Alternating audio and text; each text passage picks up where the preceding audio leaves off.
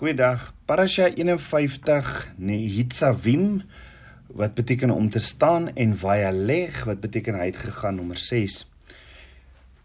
In Lukas 5 lees ons Petrus was besig om die nette uit te spoel toe Yeshua die seun van Abba Vader in Petrus se boot klim en hom vra om 'n entjie van die land af weg te vaar sodat hy die skare vanuit die boot kan leer. En die vraag is, wou Yeshua net met die skare praat of het hy moontlik ook 'n boodskap vir Petrus gehad? Was hy dalk besig om Petrus se hart te besny? Want sien Petrus se nette was leeg en ek dink miskien moontlik sy siel ook. Hoor, toe Yeshua ophou met preek, sê hy vir Petrus: "Vaar uit na die diep waters en laat julle nette sak om vis te vang." So in Lukas 5 vers 5 antwoord Petrus en sê: "Meester, ons het die hele nag deur die hard gewerk en niks gevang nie, maar op u woord sal ek u net laat sak." So Petrus en Andreas het heelnag, hulle het gesoog en gesloof. En ons moet weet, as geharde vissermanne het hulle die kuns van visvang geken.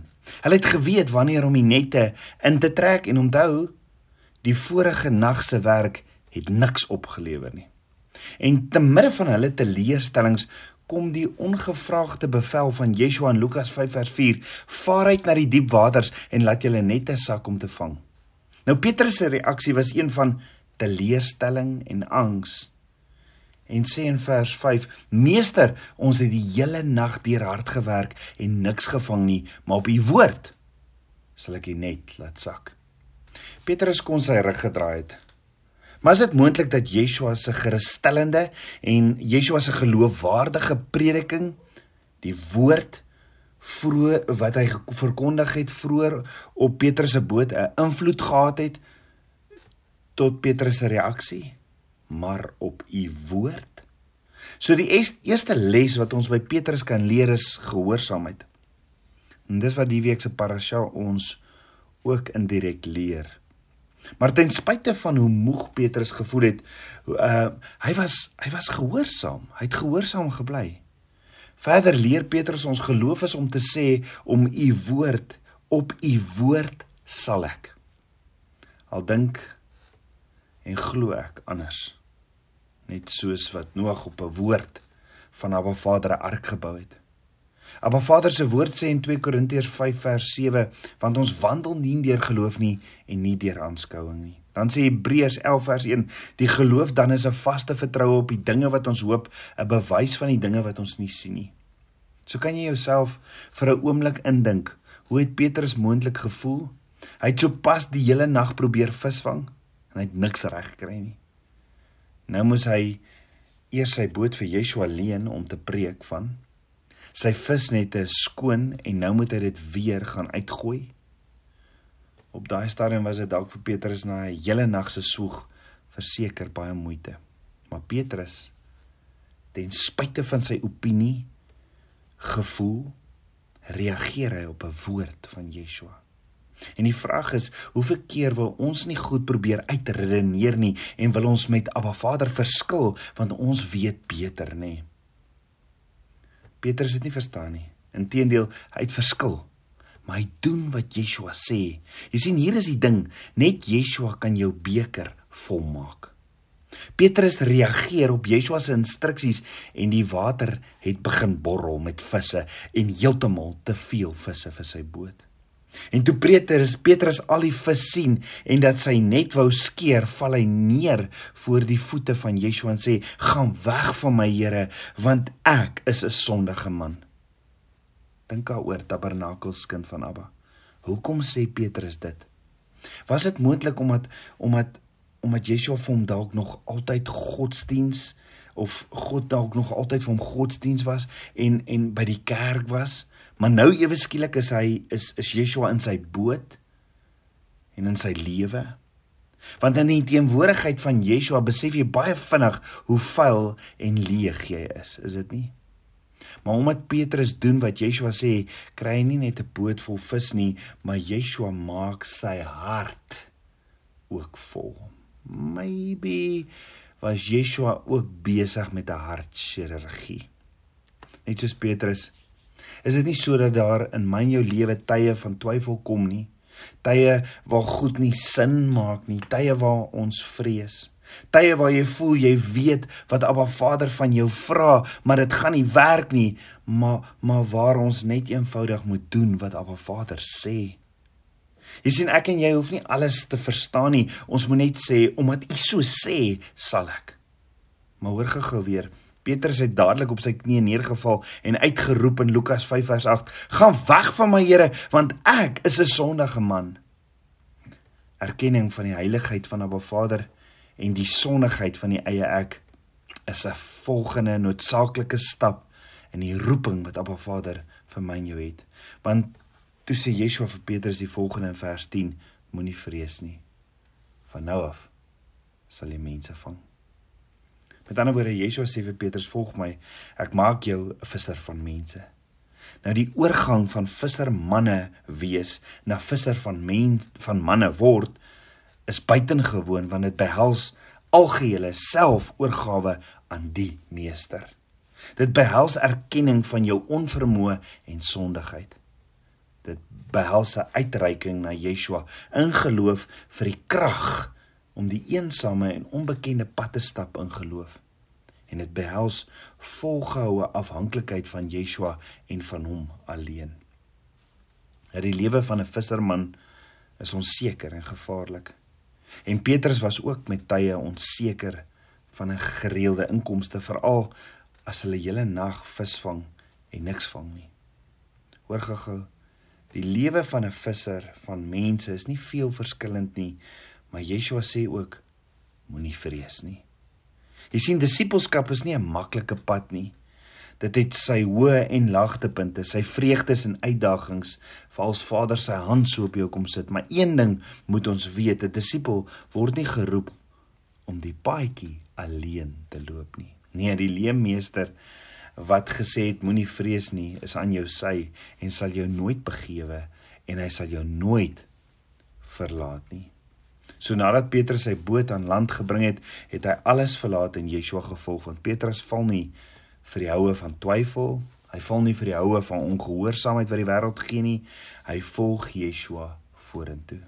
En die vraag is, tabernakelskind van Abba, hoeveel keer of wat moet nog in my en jou lewe gebeur om Yeshua waarlik te volg, die beloofde land in?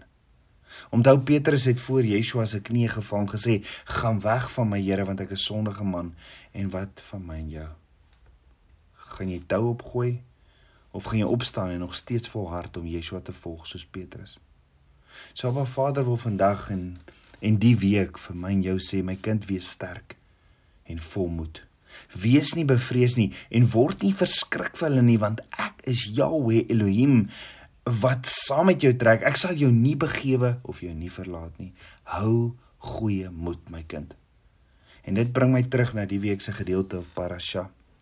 Terwyl Moses die finale woorde spreek vir die kinders van Israel om onthou om die beloofde land in te gaan, sê hy die volgende in Deuteronomium 30 vers 6: "En Jahwe jou God sal jou hart besny en die hart van jou nageslag om Jahwe jou God lief te hê met jou hele hart en met jou hele siel dat jy kan lewe. Ja, die metaforiese besnyding van die hart sal ons in staat stel om die gebod om Abba Vader lief te hê volkome te kan vervul. Dit sal ons lewe gee, selfs die ewige lewe. Nou wat is 'n hart wat besny is? Was Petrus se hart op die boot dalk besny? Regdeur die woord verwys 'n hart wat besny word na 'n berouvolle hart wat aan die wil van Abba Vader voldoen. Om jou opinies, jou dinge te los en net te doen wat Vader sê. Dis hier waar jy net doen wat Abba Vader vir jou sê, want in in Deuteronomium 10 vers 16 sê Moses vir die kinders van Israel: "Besny dan die vooruit van julle hart en verhard julle nek nie verder nie. Met ander woorde, los daai rebelsheid. Doen net wat Vader sê. Die profeet Jeremia sê ook later vir die kinders van Israel dat hulle hom moet bekeer van slegte dade, dade en hy sê in Jeremia 4 vers 4: "Besny julle vir Jahweh en verwyder die onbesneenheid van julle hart." Paulus sê in Romeine 2 vers 29 besnydenis is die van die hart in die gees nie na die letter nie. Jy sien van die skepping af het die mens die vrye keuse om geregtigheid of kwaad te doen volgens sy wil. Maar hoe meer ons gewas word met die waterbad van die woord, hoe meer ons by Yeshua se voete sit en hy ons beklee met sy woord, hoe minder begeer die eie ek dit wat nie toepaslik is nie. Dis hier waar jou hart net Abba Vader begeer en hom behaag.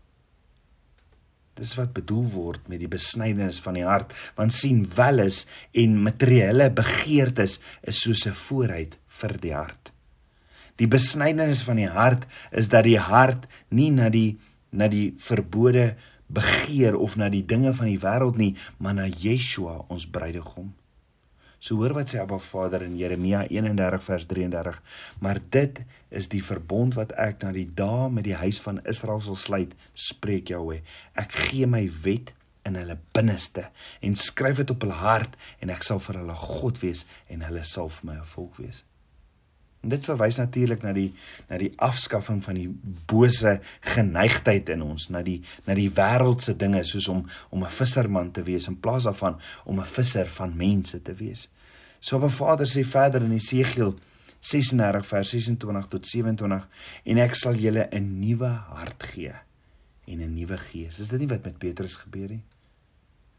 Maar Vader sê, ek sal julle 'n nuwe hart gee en 'n nuwe gees in julle binneste en ek sal die hart van klip uit julle vlees wegneem en julle hart van vlees gee en ek sal my gees in julle binneste gee en sal maak, my gees sal maak dat julle in my insettinge wandel en my verordeninge.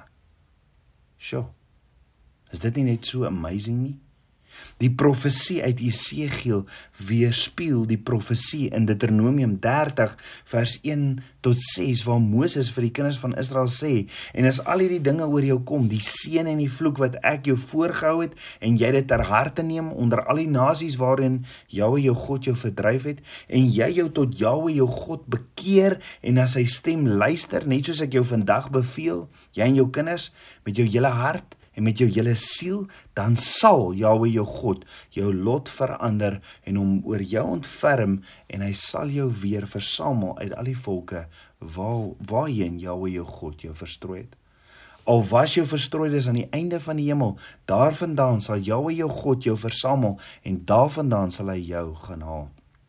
En Jahwe jou God sal jou bring in die land wat jou vaders in besit geneem het en jy sal dit in besit neem en hy sal aan jou goed doen en jou vermenigvuldig meer as jou vaders.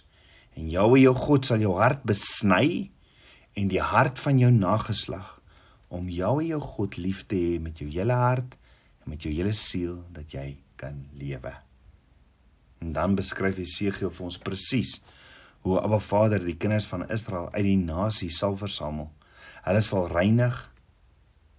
Hulle hulle harte sal besny word en hy sal hulle in staat stel om die woord, die Torah te onderhou. Want Abba Vader sê in Jesegiel 36 vers 24 tot 28 en ek sê julle uit die nasies gaan haal en, en hy sê en ek sal julle uit die nasies gaan haal en julle uit die lande bymekaar laat kom en ek sal julle in julle land bring dan sal ek my dan sal ek skoon water op julle giet sodat julle rein kan word. Van al julle onreinhede en van al julle drekgode sal ek julle reinig. En ek sal julle 'n nuwe hart gee 'n nuwe gees in jou binneste gee en ek sal die hart van klip uit jou vlees wegneem en julle 'n hart van vlees gee. En ek sal my gees in jou binneste gee en sal maak dat julle in my insettinge wandel en my verordeninge onderhou en doen en julle sal woon in die land wat ek aan julle vaders gegee het en julle sal vir my 'n volk en ek sal vir julle God wees. So hierdie gevolg van hierdie besnydenis van die hart is gehoorsaamheid aan Abba Vader. Moses sê in Deuteronomium 30 vers 8 dat wanneer Abba Vader uiteindelik die hart van sy kinders besny, hulle weer Jahweh sal gehoorsaam en al sy gebooie sal onderhou. Met ander woorde dis Abba Vader wat ons in staat stel om sy Torah, sy wette, sy gebooie, sy woord, sy feeste te onderhou. Abba Vader gaan ons vrymaak van sonde en ons in geregtigheid laat wandel. Ek wil eindig met Paulus se woorde in Kolossense 2 vers 11 tot 12. In wie julle ook besny is met 'n besnydenis wat nie met hande verrig word nie, deur die liggaam van die sondige vlees af te lê in die besnydenis van Christus omdat julle saam met hom begrawe is in die doop waarin julle ook saam opgewek is deur die geloof in die werking van God wat hom uit die dode opgewek het. Die vraag is tabernakels kind van Abba. Wat van ons harte nou vir Abba Vader gee? Ons staan op die voorstoep van eindtye. Hoekom nie nou ons harte vir Abba Vader sê en Vader sê Abba kom besny my hart.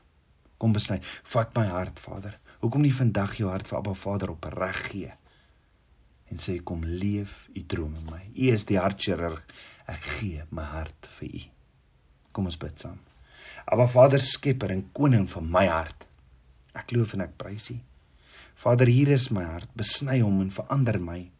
Transform my.